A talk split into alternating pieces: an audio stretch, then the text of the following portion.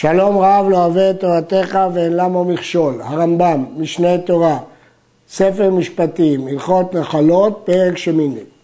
כשמורידים קרוב לנכסי השבוי או הבורח או לנכסי היוצא לדעת ששמעו בו שמת, אמרנו שאדם שברח מחמת נפשות או שהוא שבוי או שהוא יצא לארץ שלא יודעים איפה היא ושמעו שמת, שמורידים קרוב לנכסיו לטפל בהם, לא יורידו קטן, שמא יפסיד הנכסים, ואין מורידים קרוב לנכסי קטן, שמא יתרון ויאמר, זה חלקי, המגיע לי בירושתי, שהוא ישתלט עליו.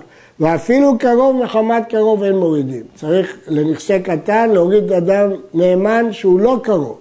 כיצד? היו שני אחים, אחד גדול ואחד קטן. ונשבע הקטן או ברח, אין מורידים הגדול לתוך שדהו, מפני שהקטן אינו יכול למחות, שמא יחזיק זה האח, ולאחר שנים יאמר זהו חלקי שהגיע לי בירושתי, מחמת ירושה באתי. ואפילו בן החליף של זה הקטן הנשבע, אין מורידים אותו לנכסיו. שמא יאמר, מחמת אבי ירשתי חלק זה. אז ברור שזה מסוכן להוריד קרוב לנכסי קטן, שהוא לא ישתלט על הנכסים. לעולם אין מורידים קרוב לנכסי הקטן. אפילו קרוב מחמת אחרי האם שאינם ראויים לירש. פה אין חשש שהוא ישתלט, כי מה הוא יטען? הוא יטען שהוא ירש, הוא בכלל לא יורש. הרחקה יתרה היא זו, זה גזירה. ואפילו היה ביניהם שטר חלוקה בין בבתים בין בשדות, לא ירד. ואפילו אמר כתבו לי שטר הריסות, לא ירד. שמא יאבדו השטרות ויארכו הימים, ויטעות שזה חלק ירושה, בא לו מחמתו, מחמת מורישה.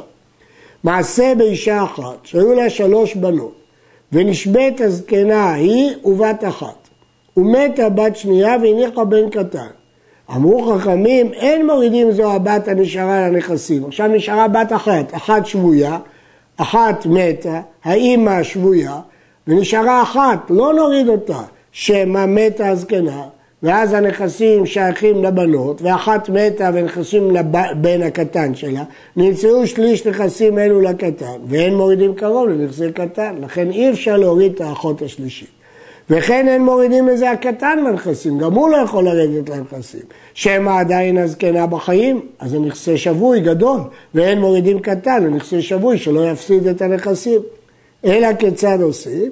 מתוך שצריך להעמיד אפוטרופוס לשליש של הקטן, כי בדין אביהם של יתומים, מעמידים אפוטרופוס על כל נכסי הזקנה. למרות שיכול להיות שהיא בחיים, ואנחנו לא מעמידים סתם אפוטרופוס, אבל פה, כיוון שיכול להיות שהיא מתה והשליש שייכים לקטן, אז כבר מעמידים אפוטרופוס על כל הנכסים. אחר זמן, שמעו שמתה הזקנה, אז עכשיו צריך לחלק את הירושה.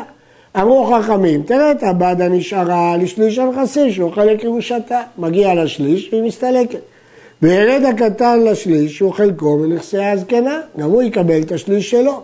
והשליש של הבת השבויה, הרי אם הזקנה נשבתה גם בת, מגיע לשליש, מעמידים לו אפוטרופוס מפני החלק הקטן. למה? שמא מתה גם הבת השבויה, ואז הקטן עם הבת השלישית יקבלו כל אחד חצי השליש, ויש לזה הקטן חצי השליש שלה, וכן כל כיוצא בזה. העיקרון הוא כל מקום שאני חושב שהנכסים שייכים לקטן, אני לא מוריד, אני צריך להוריד אפוטרופוס ולא קרוב. בכל מקום של נכסים של גדול, אני לא יכול להוריד את הקטן, כיוון שמא הוא יפסיד את הנכסים. עד כאן.